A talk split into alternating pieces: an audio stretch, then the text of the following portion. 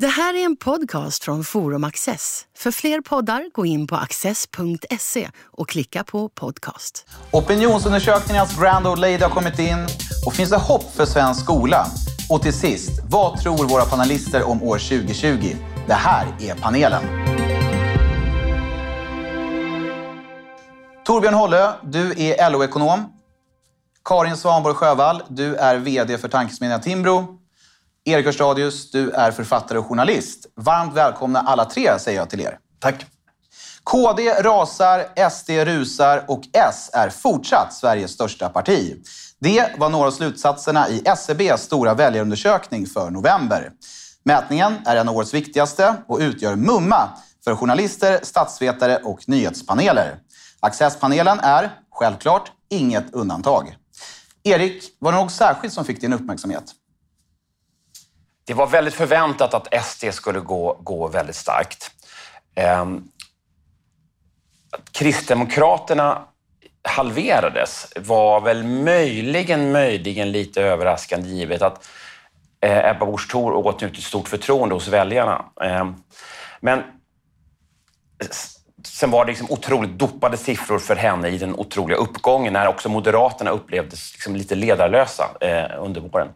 Men, men, det man ska notera här är att nu har vi i princip, liksom, om vi vill, eh, det här viet, men, men KD, Moderaterna och Sverigedemokraterna har ungefär 50 procent enligt SCB. Det vill säga, det går att skapa ett konservativt block. Liksom.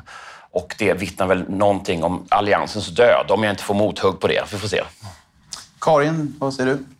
Nej, du kommer inte få mothugg på den punkten. Och jag tycker väl möjligen att det mest intressanta var att det här dels befäste en massa trender som man har sett tidigare, så i den meningen var det ingen stor över, liksom, överraskning. Men däremot så, så, ser man ju att precis det som man kunde tro skulle hända i samband med att januariavtalet slöts, eh, hände. Nämligen att vi ser någon slags ömsesidig förödelse i båda blocken egentligen. Att även om Alliansen nu absolut är död på nationell nivå så kan man ju också se att det här sargar Socialdemokraterna väldigt svårt.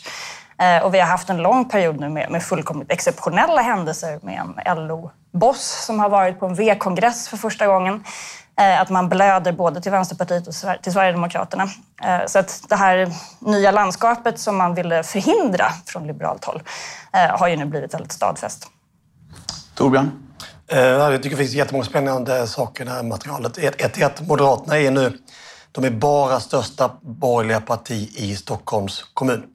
Sen är, de störst, sen är Sverigedemokraterna antingen störst eller eller eh, lika stora som Moderaterna i alla andra delar, inklusive Stockholms län. Alltså länet har ju varit Moderaternas hemmabas. Och till och med där är Sverigedemokraterna störst. Så det är, liksom det, är en, det, är något, det som pågår nu det är ju det är förändra hela eh, parti, eh, partistrukturen. Och någonstans, jag, jag håller med dig, alltså, det var ju när Moderaterna och S agerade som man gjorde hösten 2018 som då ledde till januariavtalet. Eh, eh, det låg ju i korten att detta skulle hända. Så jag undrar verkligen, så, vad tänker liksom Moderaterna och S-ledning nu?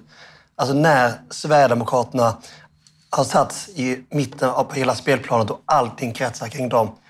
Jag har ett svar på det. Eh, jag uppfattar att Moderaterna har förflyttat sig väldigt tydligt åt en, en, en mycket mer migrationskritisk agenda. Den, den börjar bli tydlig nu från och med valet 2018 egentligen har man förflyttat sig till att, för att, liksom, så att säga, stoppa tappet till Sverigedemokraterna. Och det gick ju faktiskt hyggligt för Moderaterna i den här mätningen.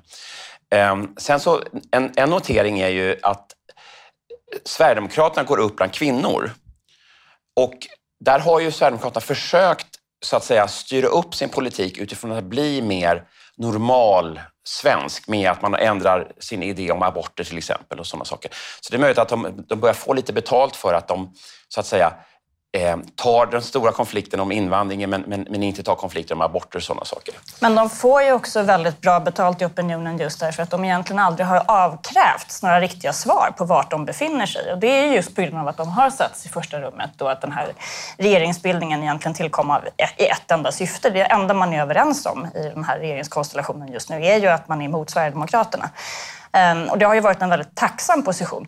Jag kan ju förstås inte säga hur det hade sett ut om man till exempel hade för att gå fram som allians. Ehm, men jag tror att en fördel med att man faktiskt i skarpt läge hade testat dem hade ju varit att de hade behövt bekänna färg. Och då hade det nog varit svårare att plocka från alla håll, som man gör nu. Kvinnor och män, arbetare, högutbildade, därför att alla dansar liksom runt dem. Och det blir aldrig riktigt skarpt vad de skulle välja om de var tvungna att göra det. Det är ju så att, att till exempel i Danmark, när Dansk Folkeparti blev en del av regeringsunderlaget, eh, så, eh, alltså typ motsvarande Sverigedemokraterna då i, i Danmark, liksom, så, så slutade de växa. De gick, till, gick ner.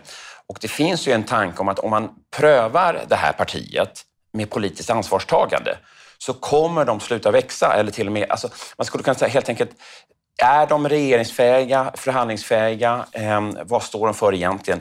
Och nu är det så att, att vi kan läsa in vad vi vill i dem eftersom de inte behöver ta ansvar. I kommunerna eh, så går det inte alltid bra för Sverigedemokraterna. Det är inte alltid så att de har starka kandidater och sådär. Det, och, och, och det här säger jag liksom inte så att säga som en kritik mot det partiet. Men vi väljare vet inte hur de agerar i ett ansvarstagande läge eftersom de, de fulas ut från ansvar. Eh, Kristersson har haft ett enskilt möte med Jimmy Åkesson. Det är första gången det sker öppet. Vad innebär det här för svensk politik? Jag tycker att alltså det, han gör det i, ett svaghets, eh, i en svaghetsposition.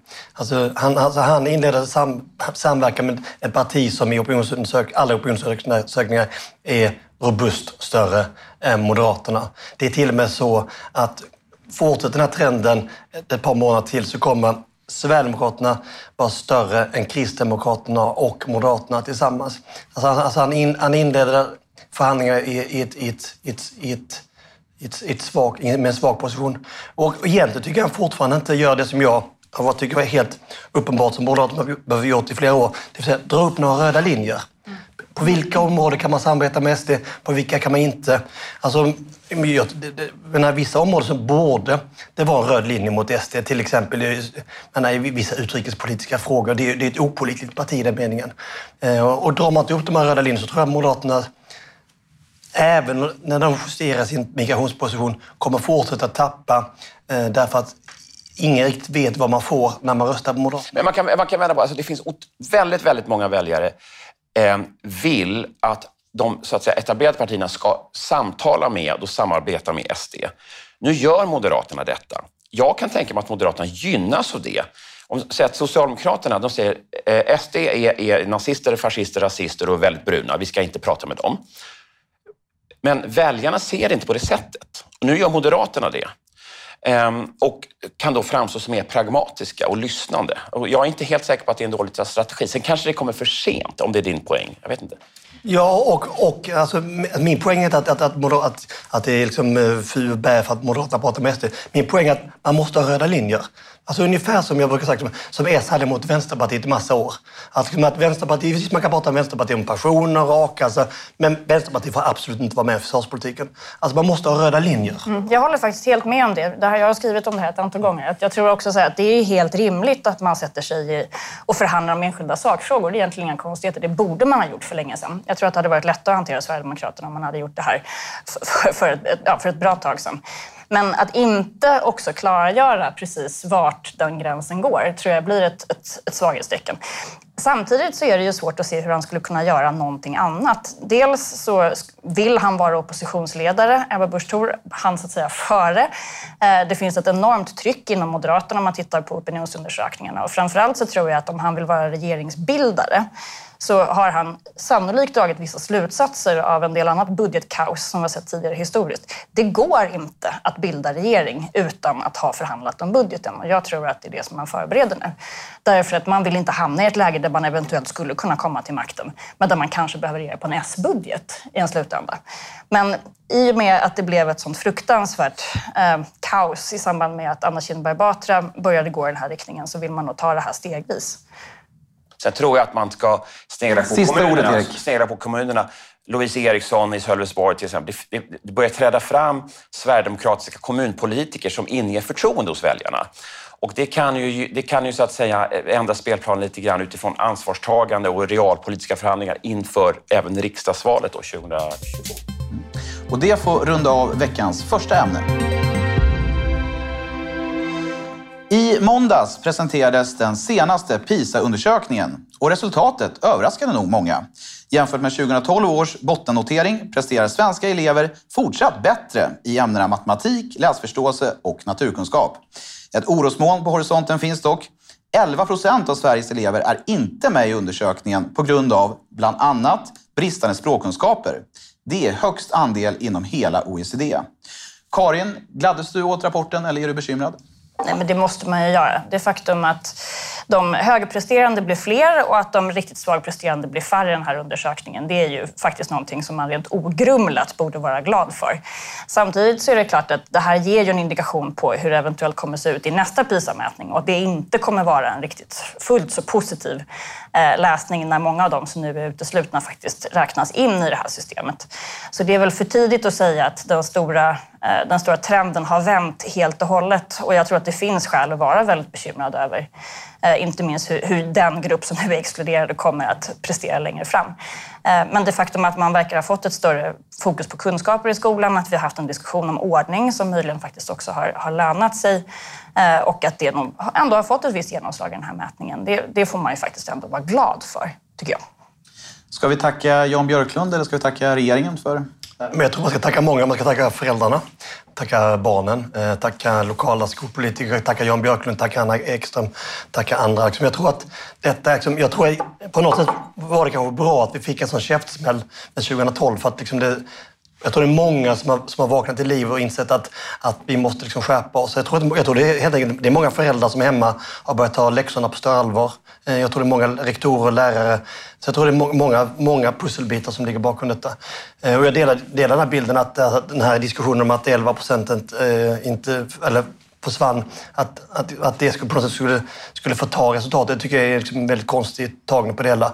Utan det är ju precis som, som du säger, att, att problemet är att den här gruppen, det är ju personer som har kommit nyligen som av goda skäl inte skulle mätas i PISA, eh, men som kommer behöva mätas om tre år. Så att det är klart att då har vi liksom ett, ett växande problem just bland de utrikesfödda, för de eh, presterar ganska dåligt i PISA.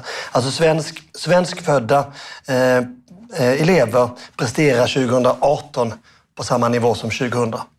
Det, alltså man är tillbaka på den nivån. Utan däremot så de som har utrikes bakgrund, eh, eh, dels presterar de lite sämre och dels har, blivit, har gruppen blivit mycket större. Eh, så det är en jättestor utmaning eh, om vi ska klara det. Jag tycker det är intressant att höra era reaktioner. Eh, alltså för att när jag tänker på min egen reaktion. Alltså, jag, jag är en pervers människa. Jag har ju skrivit flera år om att det går åt helvete för Sverige när det är invandring och skola och sådana saker. Och så kommer en sån här PISA-mätning att nu går det bra jag borde ju glädjas, jag har barn i skolan och så vidare. Jag borde säga yes, det går bra. Men jag, helvete, jag kanske har fel. Alltså, poängen här är att vi, pl vi plockade in information i våra egna huvuden som passar våra världsbilder. Min världsbild, som har haft barn i svensk skola många år, kände att det här funkar inget bra. Jag blev nästan provocerad av den här nästan hallelujastämningen som eh, skolminister Anna Ekström visade upp. Så här, för att det är inte bra. Och, och, och håller med er om att, att man tog bort de här 11 procenten helt rimligt. Människor som, inte, som är nya och inte kan svenska, de ska inte så att säga bli benchmark, eller de ska inte bli så här måttstock för svensk skola. Men jag, jag sätter en massa frågetecken för, för hur de här eh, undersökningarna görs. Man mäter inte allmänbildning överhuvudtaget. Det är, det, är, det är naturkunskap, det är matte och det är svenska. Viktiga saker naturligtvis. Men, men så att säga allmänbildning är inte med överhuvudtaget och så samhällsorienterande ämnen. Ehm, det finns också en fuskkultur i svenska skolor. Och det finns, alltså, nationella prov till exempel gynnar, eh, eh, gynnar skolor som tar bort dåliga elever från nationella proven. Det vill säga, då får man upp snittet på nationellt prov. Hur då menar du? Om, om de dåliga eleverna i klassen inte är med och skriver nationellt prov så kommer klassens snitt att vara okej. Okay. Men hur tar de bort dem menar du? Och det, att de inte skriver proven. Eh, de är sjukskrivna och så vidare. Eh, eh, och i PISA-mätningen vet vi verkligen att PISA mäter så att säga alla elever utom de här 11 procenten. Eh, eller är det så att vissa elever uppmuntras att inte vara i klassrummet? Jag påstår inte att det är på detta vis, utan jag försöker bara säga att när man är en sån som jag som tror att svensk skola är i fritt fall, då letar jag problem med den här undersökningen istället för glädjas över de goda resultaten. Så jag är glad att höra att ni faktiskt jag är glad att höra att ni är glada. Och jag är liksom så att Alltså, och min egen så här surgubbe är liksom, jag, jag, vet inte hur mycket jag ska lita på min egen surgubbe. Alltså, ja, min, min take var helt annorlunda. Jag tror att ett skäl till att jag var glad, förutom att um, jag är trött på att allt är deppigt, handlar, ju, handlar ju om att att när den här stora liksom, PISA-smällen kom så, så väckte det förstås väldigt starka reaktioner. Det var inget konstigt. Men problemet med den här typen av panikstämning är ju att, att det också kommer upp väldigt mycket dåliga förslag i samband med en krisstämning. Och just skolan har ju en lång historia av att kastas mellan liksom väldigt, väldigt skilda positioner. Det har varit en väldig ryckighet. Jag tror att väldigt många i skolan känner att det är ganska skönt att få arbetsro. Och att risken när, när stämningen blir så upptrissad som den var då var just att man börjar göra en massa ogenomtänkta saker. I den meningen så tror jag att, att det här kan, kan, kan lugna läget lite på ett sätt som är, som är gynnsamt för skolan. Men den stora frågan kvarstår ju fortfarande. Vad ska man göra just i utanförskapsområdena där, där de svagpresterande är som allra flest? Vad ska man göra med de här skolorna som inte presterar som de borde göra? Jag menar ju att vi har varit alldeles för slappa med att tillåta skolor som underpresterar år efter år efter år. Och den frågan, eh, den är ju fortfarande olöst. Även om det har gjorts liksom, rikt, liksom några riktade ansträngningar så tror jag att det, det är där egentligen som vi skulle behöva lägga fokus. En, en sak till som är viktig och det här är gjort för 15-åringar. Och gymnasiet, där i, i de flesta länder är en nivåskikt, alltså så att folk som har lätt att läsa och är motiverade får svårare teoretiska utbildningar och, och, och så finns det yrkesskolor i Tyskland och så vidare. Vi vet ju, det kan ju vara så att, att vi hänger med hyggligt upp till 15-årsåldern och sen så är våra gymnasier dåliga, så att säga. Vi, vi, alltså att, att svensk skola är bra, har en positiv trend enligt PISA Eh, för 15-åringar, det är inte alls samma sak som att upp till hela gymnasienivån så funkar det jättebra. För, för vi har ju den här idén med att alla läser ungefär i samma takt i gymnasiet och det är liksom orealistiskt. För barn är inte lika studiemotiverade, inte lika begåvade och så vidare. Så att vi har liksom, inget, vi har liksom inte facit på om vi har gjort rätt eller fel, menar jag då. Surgubben. Eh, en annan sak som visar är att likvärdigheten eh, verkar ju försämras i svensk skola. Det vill säga att din, att din bakgrund verkar spela väldigt stor roll. Har du någonting att säga om det? Ja, men det verkar väl för Sverige presterar bättre kunskapsmässigt än andra OECD-länder, men i snitt eller säm, något sämre i vissa, vissa fall när det gäller eh, likvärdighet. nej, men det, eh, jag, tror, jag tror att till exempel den, eh, det sättet vi har valt att organisera friskolesystemet är eh, kontraproduktivt på många sätt. Eh, eh och det, det är ett, ett, ett exempel på eh, bristande likvärdighet. Ja, nej, alltså, jag håller ju i grund och botten inte med om det. Eh, jag tror tvärtom att friskolesystemet har varit extremt viktigt. Inte minst för barn som bor i de här områdena där det finns brist på bra skolor. Att det finns en, en ventil och en slags nödutgång för, för individer att kunna ta sig till andra skolor tror jag har varit extremt viktigt på individnivå. Det som man ser har drivit mycket av den här skolsegregationen är ju framförallt boendesegregation. Det är inte så att vi skulle få en fantastisk blandning socialt och etniskt i Djursholm för att man avskaffade friskolesystemet. Utan väldigt mycket av det här handlar ju om, om andra saker. Eh, att, att bevara det tror jag är viktigt. Men, men det finns väl en, en ny typ av samstämmighet som jag tror är positiv ändå kring att bland de svagpresterande, inte minst bland pojkar, så finns det vissa faktorer som är viktigare än andra. Exempelvis brist på disciplin, brist på ordning. Och att vi har fått ett ökat fokus på de frågorna tror jag är extremt viktigt just för att kunna hjälpa den gruppen. Att en stökig skolgång är svårare för omogna tonårspojkar eh, som har större behov av, av liksom fasta strukturer omkring sig. Eh, så där, där är jag ändå faktiskt än en gång ganska positiv kring att vi nog börjar få en mental eh, omorientering eh, som jag tror kommer kunna, vara, kommer kunna hjälpa.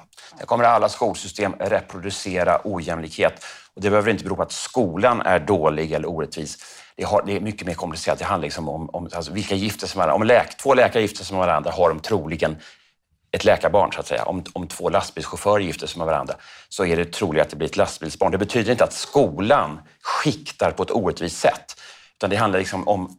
Det här är väldigt komplicerade grejer som handlar om traditioner och gener och sådana saker som vi inte kan reda ut här. Men en skola kan inte så att säga helt ut kompensera för olikheter från början för en, för en ung människa. Det viktiga är att skolan ska leverera en bra nivå för alla. Och det får avsluta veckans andra ämne. 2019 går mot sitt slut och 2020 står inför dörren. Vad minns vår panel från året som varit och vad tror de kommer att bli nästa års stora händelse? Kommer det att handla om politik, konst, religion eller någonting helt annat? Det ska vi få reda på nu. Torbjörn, vad ser du i din kristallkula? Um, jag jobbar ju då med ekonomiska och arbetsmarknadsfrågor och jag tror faktiskt att arbetsmarknadsfrågor kommer få vara ganska dominerande nästa år. Vi har en jättestor avtalsrörelse. Tre miljoner löntagare ska få nya avtal. Vi har eh, förhandlingar om eh, arbetsrätt och andra frågor som, då, eh, som pågår mellan LO, Svenskt Näringsliv och, och Unionen.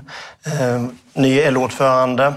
Ehm, och sen har vi eh, från EU så finns det krav på minimilöner som både fack och arbetsgivare är väldigt eh, kritiska mot. Det att man på EU-nivå ska fatta beslut om vilka lägsta löner man ska ha, inte bara i, eh, alltså i, i Sverige också. Så jag tror att arbetsmarknadsfrågor kommer vara på tapeten nästa år. Det är en spaning. Karin? Mm, jag tror också att avtalsrörelsen kommer sätta avtryck, men jag tror också att det finns en potential för att nästa år kommer bli väldigt dramatiskt. Det är ju många såna här make or break-frågor som, som kommer att bli avgörande som nästan måste ske nästa år om de ska ske överhuvudtaget. När man pratar om januariavtalets överlevnad exempelvis så tror jag att om Nyamko Sabuni skulle bestämma sig för att det enda sättet för Liberalerna att rädda sitt eget skinn är att faktiskt säga att men, vi vill ha en borgerlig statsminister istället så måste det sidbytet ske snart eh, om de ska ha någon trovärdighet. Ehm, så det är väl en sån fråga ehm, som jag tror kommer bli, bli jätteviktig. Det här året har ju mest handlat om att, om att liksom se politiker navigera utan karta. Ehm, nästa år så tror jag att det här landskapet har satt sig på ett annat sätt. Så antingen så, så kommer det bli, börja bli mer stabilt och förutsägbart eller så kommer det bli liksom kaotiskt, eh, men å andra sidan också ganska intressant på riktigt. Därför att det är som sagt var så, så mycket som måste avgöras eh, i tid för ett val för att det ska kunna ske vid något annat tillfälle. Mycket stoff på panelen alltså. Mm. Erik? Ja, men intressant blir vem kommer eh, vara socialdemokratisk partiordförande i valet 2022? Eh, jag är inte alls säker på att det är Stefan Löfven. Eh, han har kämpat på nu i snart tio år och han kan mycket väl vilja lämna över stafettpinnen till någon annan och då kommer ju Socialdemokraterna markera lite grann. Ska man liksom närma sig det, det, det bruna så att säga, alltså SD, eller ska man fortsätta med den här liksom, linjen som man har hållit? Um, det är också så att att vi kommer att dränkas av nyheter från det amerikanska presidentvalet. Va? Alltså, Donald Trump skapar nyheter varje dag och nu ska han utmanas och så. Va? Och, och eh, när det är franska och, och, och, och tyska val så, så, läser vi någon, någon, någon, någon kort notis och sådär i tidningen. När amerikanska val, som är så fruktansvärt underhållande, det är, det är ju kampsport och underhållning på högsta nivå.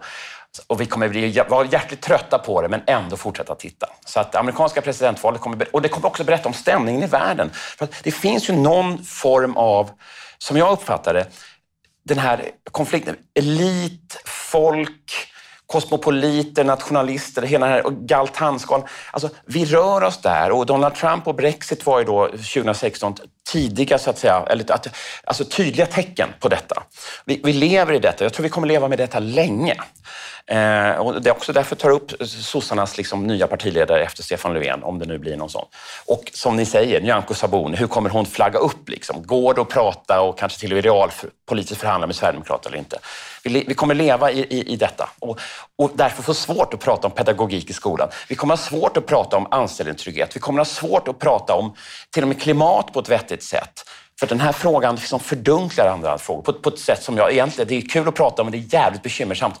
För att den, den nästan döda energin i andra frågor. Liksom. Vad minns du från 2019 då? Bomber. Bomber och skjutningar är väl, mm. är väl när vi summerar 2019. Någonting positivt, Karin?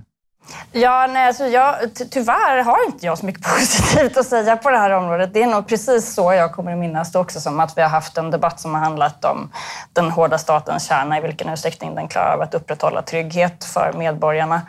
Ehm, just Sverigedemokraternas framväxt som eventuellt Sveriges största parti eh, är ju förstås också någon slags historisk förändring som vi ser nu. Eh, Socialdemokraternas, om inte kollaps, så i alla fall liksom ständiga pyspunka till nya historiska bottennivåer. Eh, på det sättet så har det ju både varit väldigt eh, ganska tråkigt att det har inte funnits många stora händelser och, och, och liksom berätta om i efterläget och samtidigt otroligt dramatiskt. Om den här surgubben får säga någonting positivt då. Greta, som jag tycker för mycket vädjar till panikkänslor, men häftigt att, att det finns liksom en otroligt tydlig global idé hos unga människor om att, att vi måste vara varsamma med klotet. Underbart. Små saker Eh, eh, det kom en undersökning nyligen om att, att, folk är mindre utsatta för brott i Malmö. Jag sätter ju frågetecken för, för så att säga den, men det, det måste jag kunna ta emot. PISA-undersökningen vi kan inte gå omkring och tro att allt går åt helvete, så att säga. Va? Och det, det måste en sån, för att det, dessutom, framtiden är påverkbar. Hur pessimistisk jag än är, så är jag, jag är en aktör i att bygga en framtid för mig och mina barn. Och vi kan fan inte lägga oss ner och liksom deppa ihop sådär. Va? Alltså, livet är, är svettigt. Man, man, man, kvinnan föder gränsle över en grav. Ett snabbt blänk och sen är det mörkt. Det är, jag tror det är Samuel Beckett som har skrivit det. Men, men medan vi faller ner i graven så har vi möjlighet att påverka tillvaron. Och vi kan inte så här bara deppa. God jul och gott nytt år, kära tittare. Och Tysse, säger jag. Det var den deppigaste metaforen för en vettig avslutning jag hört.